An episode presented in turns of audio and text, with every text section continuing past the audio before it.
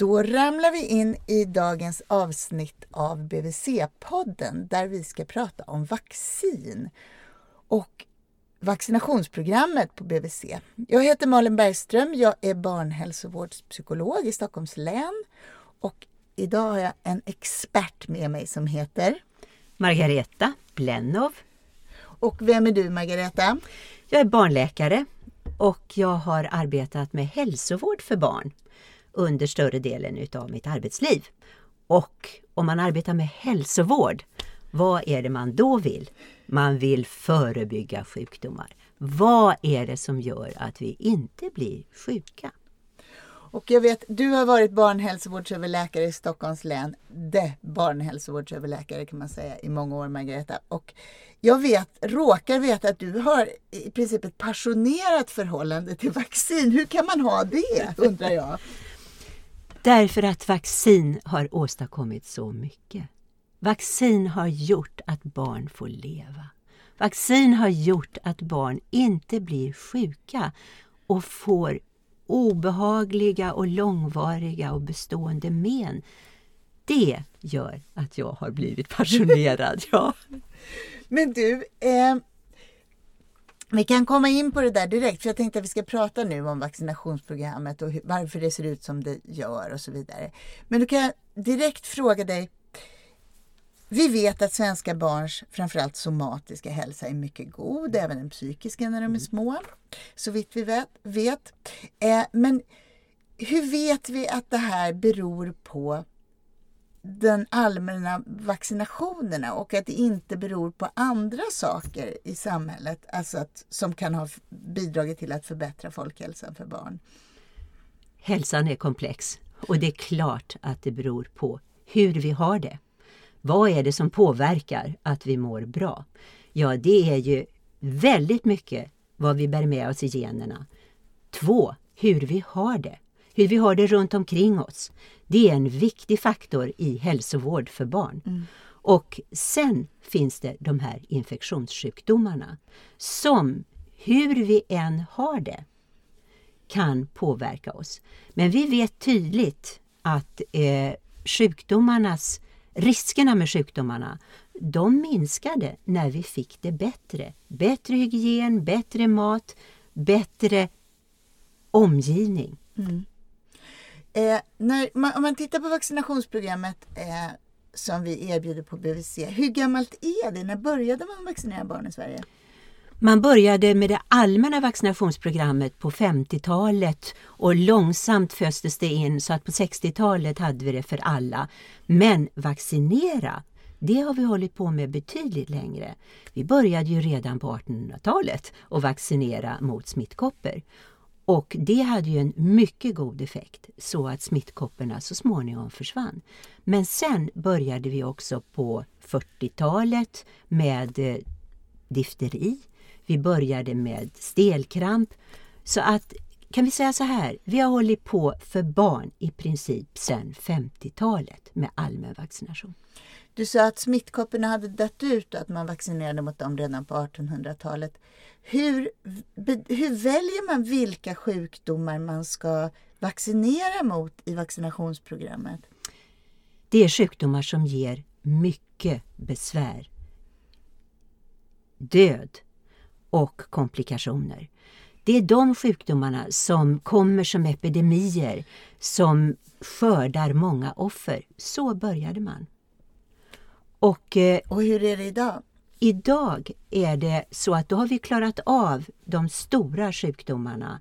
Eller nej, inte alla. Men vi har klarat av många av de stora sjukdomarna. Och vad var det till exempel? Ja, om vi går tillbaka hundra år. Vad dog barnen av mest? Ja, det var ju sjukdomar som difteri, kikhosta, mässling. Mm. Det är här i Sverige. Och idag är det ju inga som dör i de här sjukdomarna. Nästan inga. Kikhosta har vi tyvärr fortfarande kvar så att späda barn faktiskt dör i kikhosta om de är ovaccinerade. Så det är sjukdomarnas allvarlighetsgrad och eh, komplikationer och så vidare som avgör om man inkluderar vaccin mot dem i programmet? Inte bara. Man måste ju ha ett vaccin också. Mm. Ja. Finns det någon sån här sjukdom som man skulle vilja, någon infektionssjukdom som man skulle vilja ha ett vaccin mot specifikt? Ja, ja, ja. I världen så är det ju malaria. Ja, det är klart. Mm. Och i Sverige då? I Sverige har vi kommit väldigt långt. Vi har få sjukdomar men så, som om vi tittar ut på, på barn så är det inte så många sjukdomar som vi skulle vilja börja vaccinera mot. Det är några som står på listan och det är vattkoppor. Och eh, nu har vi precis bestämt oss för att föra in mot en diarrésjukdom, nämligen rotavirusinducerad diarré. Och det har vi vaccinerat mot i Stockholm ett par år. Ja, det har vi gjort. Men det kommer man också göra nationellt nu Ja, framöver. det är nu bestämt. Och den sjukdomen är egentligen inte livsfarlig för barn, eller? Nej, för de flesta barn är det inte det. Mycket sällan det är barn som dör i rotavirusinfektion. Vuxna kan göra det, men barn gör inte det. Sällan, för vi har väldigt god sjukvård. Men däremot så är det en sjukdom som innebär att, ja, titta här i Stockholm, vi hade ungefär 500 barn varje år som låg på sjukhus och hade det väldigt jobbigt med dropp och liknande. Och hur små barn då? Ja, det är späda barn. Jaha. Och vad, hur, hur många barn har vi nu när vi vaccinerar? Betydligt färre. Du, om, hur är följsamheten med vaccinationsprogrammet på BVC i Sverige? Den är helt fantastisk. Den är, det är alltså över 95 procent vaccinerar mot allt det vi erbjuder idag. Och sen ytterligare någon procent mot vissa av... Ja, du har 98 procent ungefär, 98-99 procent vaccinerar mot eh, fem, sex sjukdomar. Eh, och sen eh, mot mässling, påssjuka, röda hund så ligger det någonstans 95-96 procent. Det varierar lite. Men det här jämfört med många andra länder, det är mycket hög täckningsgrad. Du, eh, vi lägger också ganska stor vikt inom barnhälsovården vid att ge, informera föräldrar som är oroliga för vaccin, ge kunskap. Alltså, vi vinnlägger oss verkligen om att barn ska vaccineras. Var, varför gör vi det? Vi måste förmedla den kunskap vi själva har. Vad är det som gör att jag som har ägnat mitt liv åt det här rekommenderar att man ska vaccinera? Vad är det som gör att sjuksköterskan som står på barnavårdscentralen bestämmer sig för ja, jag tycker vacciner är bra. Ja, det är ju baserat på ett berg av kunskaper. Det kan man inte räkna med att föräldrar har. Och självklart har föräldrar funderingar. Va? Hur kommer det sig? Och så går de ut på nätet och så talar de med sina goda vänner och så får de funderingar. Och de står inte på det här berget, de står på enstaka utsagor. Och föräldrar, ja de vill ju så, så mycket för sina barn.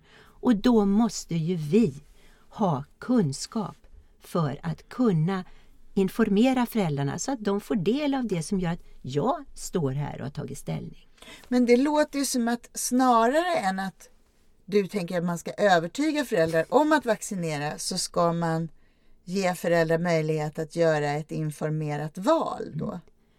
Man ska ha ett, inform man ska ha ett samtal. Så måste det vara. Man ska samtala om vaccinationer. Och man, det är en fråga som många föräldrar ställer till slut.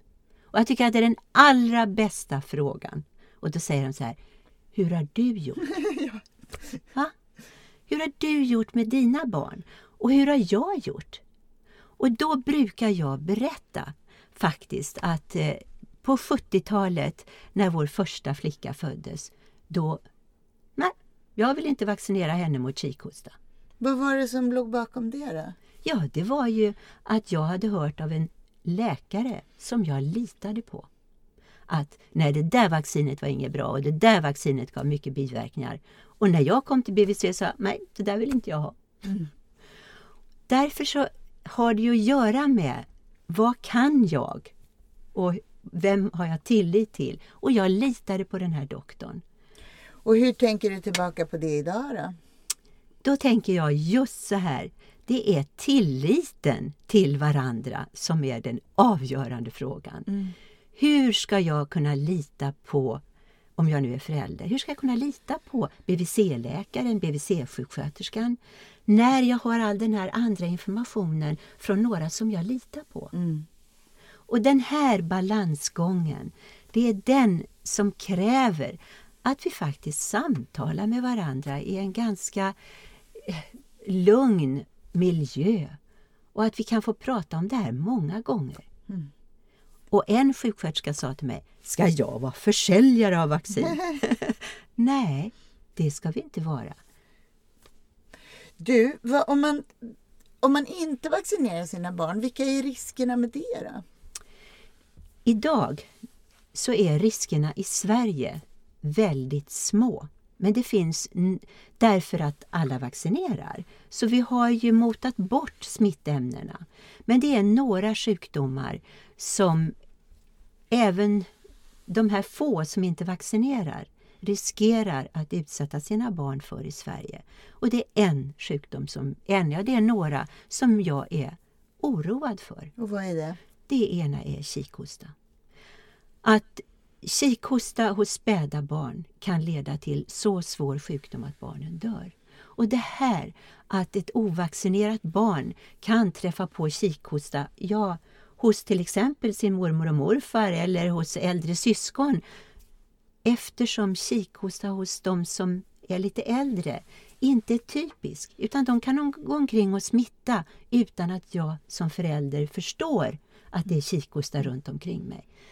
Och det här har vi ju upplevt, så det här tycker jag är otrevligt med kikhosta. Och vad vet vi? Vi vet, en dos kikhostevaccin, det räddar även det späda barnet från att dö. Och vilken ålder vaccinerar man mot Vi börjar tidigast vid två och en halv månad och åldern då vi, de flesta vaccinerar är vid tre månader. Och finns det andra sjukdomar som man riskerar att få om man inte vaccinerar barnen? Ja, där, I Sverige? Finns, ja, i Sverige talar vi om nu. Ja, det är då Haemophilus influenzae typ B, HIB.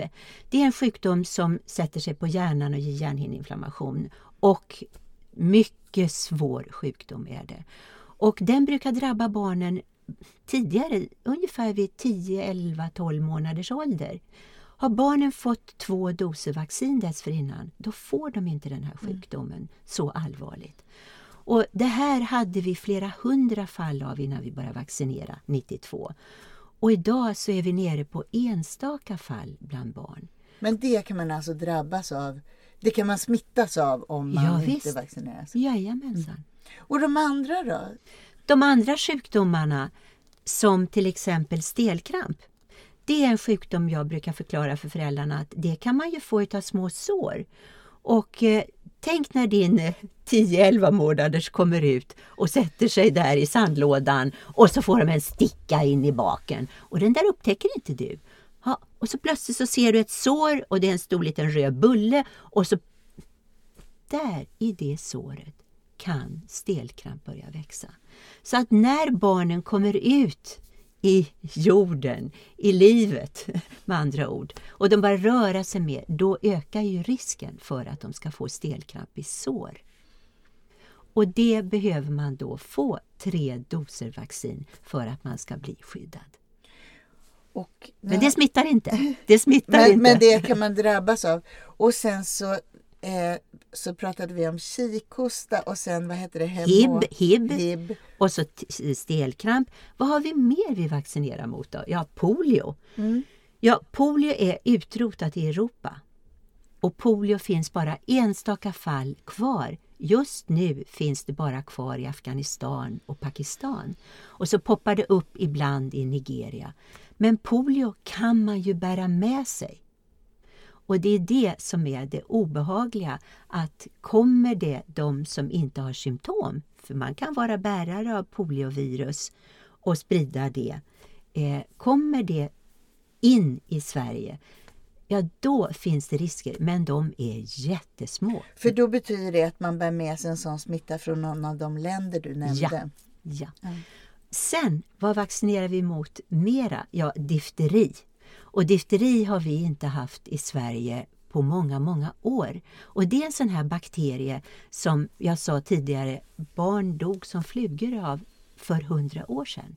Men det gör vi inte idag. Men det finns kvar. Det finns kvar i Asien, det finns kvar i Afrika och vi har faktiskt fått in lite difteri i form av huddifteri. Men det är otroligt lite nu senaste åren med människor som kommer från länder där det finns difteri. Riskerna här är utomordentligt små om du stannar i Sverige. När föräldrar är oroliga kring vaccinationer så verkar det som att man funderar mycket kring eh, liksom hur, eller hur vaccin kan påverka barnets naturliga immunsystem. Mm, och då undrar jag, när man vaccinerar barn så tidigt som vi gör här och man ger flera doser samtidigt och så. Finns det risker med det? Ja, det finns ju risker. Det finns det som heter biverkningar. Mm. Och då gäller det ju att balansgången här mellan vaccinets biverkningar och sjukdomens biverkningar väger otroligt mycket tyngre åt sjukdomens biverkningar. Och den här balansgången, nämligen att när vi inte har sjukdomarna, men då finns det ju inga biverkningar av sjukdomarna. Hur ska vi då värdera de där biverkningarna som vaccinerna har? Mm. Och Egentligen skulle jag vilja börja med vad du sa här. Hur påverkar vi barnets immunförsvar? Ja, barnet har ett outvecklat immunförsvar när det är så här litet. Så vaccinerna hjälper ju till att dra igång immunförsvaret. Därför att sjukdomarna, om de drabbar det lilla barnet, blir ju så mycket svårare. Därför att de har det här outvecklade immunförsvaret. Och då gäller det ju att vaccinet faktiskt drar igång immunförsvaret. Och hur gör det det? Ja, precis. Ja, hur gör det det? Ja, det är... Då måste vi gå till det här med vad är vaccin? Vaccin är smittämnena. Så vaccin består av de naturligt förekommande smittämnena. Men sen har man skalat av. Så ibland så har man bara delar av smittämnet. De är avdödade och så är det bara delar. Vad betyder avdödade? Avdödat betyder att man har dödat bakterien. Man har dödat bakterien så den är död, den lever inte. Och sen tar man av vissa delar av bakterien som faktiskt ger de svåra sjukdomssymptomen. Och de delarna är det vi sprutar in. Mm. Det är ett sätt och då gäller det ju att de här små delarna faktiskt ger ett bra skydd mot sjukdomen. Och när det gäller det allmänna vaccinationsprogrammet, vad har vi för kunskap kring skydd? Eh, alltså hur väljs det ut vilka vacciner som får ingå? Vad ja, ställs det, det som, för krav ja, på dem? De vaccinerna ska ge ett bra skydd och ett bra skydd det ligger någonstans från 80 procent av alla som vaccineras ska få ett bra skydd och uppåt. Mm. Somliga har nästan 100 procent, som poliovaccinet är ju mycket effektivt. Andra vacciner, som till exempel kikhostevaccinet, där ligger skyddet att ungefär 80-85 procent blir bra skyddade, men andra blir inte helt skyddade. Så när man, när man ska ett krav alltså, det är ett krav. Ja, och så att när man ska inkludera ett vaccin i det allmänna vaccinationsprogrammet på BVC, då är det mm. dels sjukdomens farlighet ja. och sen är det vaccinets effektivitet. Ja, och sen är det ju biverkningarna. Du får inte ha för mycket biverkningar. Det går inte att ge ett vaccin som ger lika mycket biverkningar som sjukdomen, eller hur? Mm. och då gäller det att vi prövar vaccinerna. Och när det gäller de här vaccinerna vi har i vårt program så är de ju utomordentligt väl prövade. De är först prövade på djur, de är prövade på vuxna och sen är de prövade på stora, många, många barn.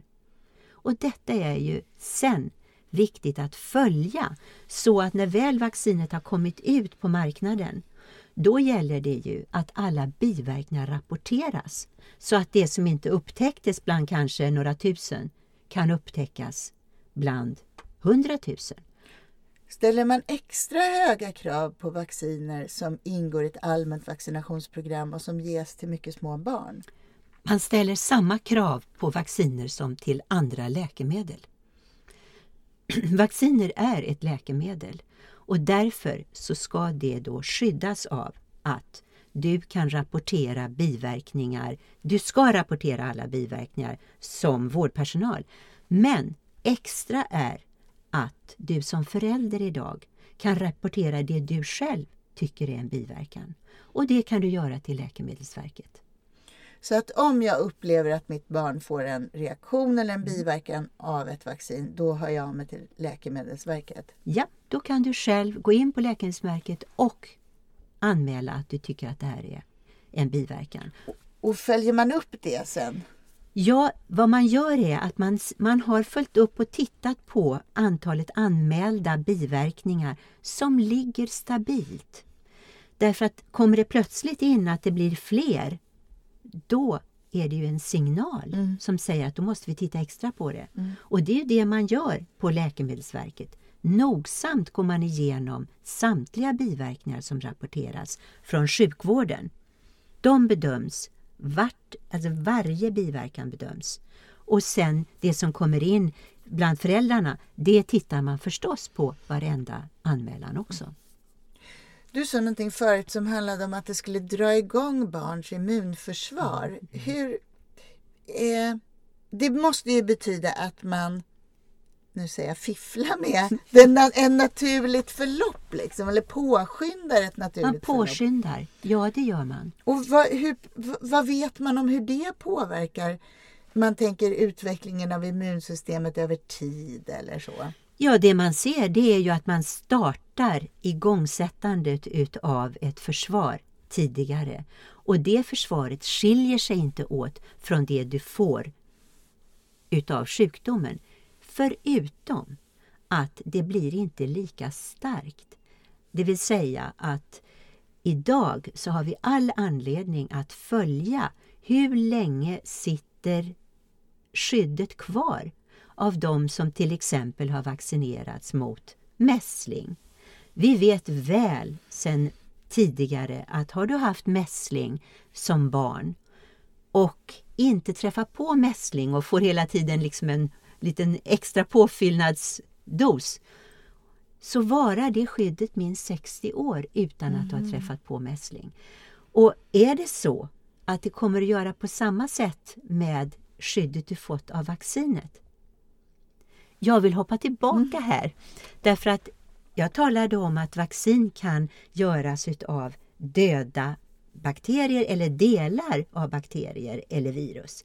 Men det kan också göras av det vi kallar för levande försvagade partiklar, viruspartiklar och ett, eller bakterier. Och ett sådant vaccin det är mässling, påssjuka och röda hund.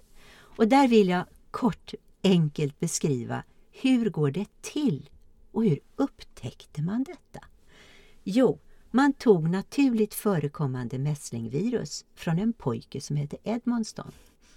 Han hade mässling man tog lilla viruset, man odlade det i små kolvar med näringslösning och virus naturligtvis, det, det ökade på.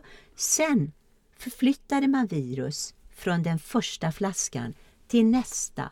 Och så odlades det fram och så passerade man, säger man. Och under de här passagerna, när virus fick leva i snäll miljö, inga hot från omvärlden, då muterar virus och du får ett virus som är snällt.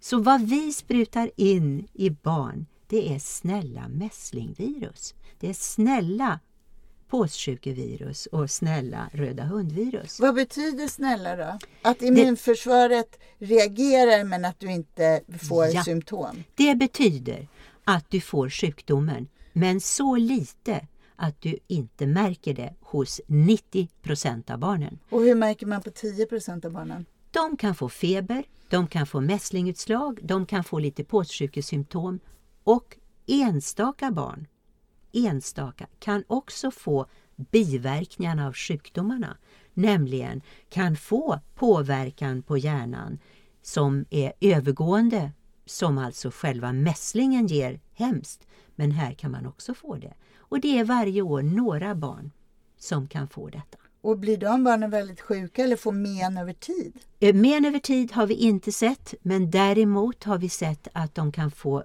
sjukdomssymptom med hög feber och eh, kan behöva vara på sjukhus och sen försvinner symptomen. Bara för att vi ska förstå. Mm. Och du sa någonting om att mässling om jag har haft mässling så ja. kommer jag ha ett skydd hela som varar i 60 år. Minst hela livet säger vi. Mm. Och av de här snälla varianterna som jag mm. får mm. av mm. vaccinet då, hur länge skyddar de? Det vet vi inte. Därför vi har inte hållit på att vaccinera så länge. I Sverige började vi på 70-talet. Och nu pratar vi mässling, påssjuka, röda hund. Mässling började vi med på 70-talet. Mässling, påssjuka, röda hund 1982. Så nu är, och det här är ju det viktiga då, att Folkhälsomyndigheten idag, de gör nu uppföljningar och tittar på hur mycket skydd finns kvar i befolkningen i olika åldrar. Och det pågår med sådana stora undersökningar ungefär vart femte eller vart tionde år och det måste vi fortsätta med. Mm. Och det kan innebära, och det får vi ju se om 20-30 år, om vi behöver vuxenvaccination. Mm. Finns det någon, eh, något vaccin i vaccinationsprogrammet som vi har sett inte håller måttet över tid? Ja, det gör det. Och vad är det? Kikhostevaccinet. Ah, okay. Har man diskuterat att man ska vaccinera vuxna mot kikhosta då? Ja, det har man definitivt. Och jag kan säga så här att vi har ju infört nya åldrar för att vaccinera mot kikhosta i Sverige. Just därför att om man är vaccinerad så varar skyddet bra i 6-7 år. Sen måste du ge en påfyllnadsdos för att bygga på skyddet. Om du har sjukdomen då? Hur länge varar skyddet då? Ja, det är ungefär 15 år. Så jag som sitter här har haft kikhosta flera gånger. Och det har jag också. Det har du? Ja. Jag hade det som tvååring och jag hade det som vuxen. Och det här gör ju att kikhosta med det vaccin vi har idag det kan man alltså få om. Men det luriga som jag sa förut, det är att när du får det nästa gång är det inte säkert att du får sådana symptom att du fattar att det är kikhosta. Och har du då som jag hade ett litet barnbarn som var ovaccinerat som jag då inte fick träffa. Det är det här. Mm. Och då är, är ett, ett av kruxet är att man vi vaccinerar barn när deras immunförsvar är omoget. Ja. Och samtidigt så är, och det är det som man kan då som förälder eventuellt känna oro kring. Ja. Eh, och samtidigt är det då vi måste vaccinera därför att det är då det är mm. farligt att få de här sjukdomarna. Ja. Därför att när du och jag har fått kikhosta i vuxen ålder så har vi varit påverkade och dåliga men det har inte varit några Nej. förenat med risk liksom egentligen.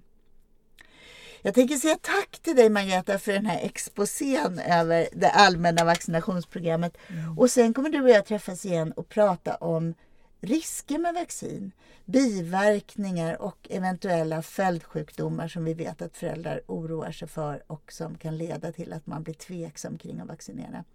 Så jag säger tack för idag. Tack själv. Tack.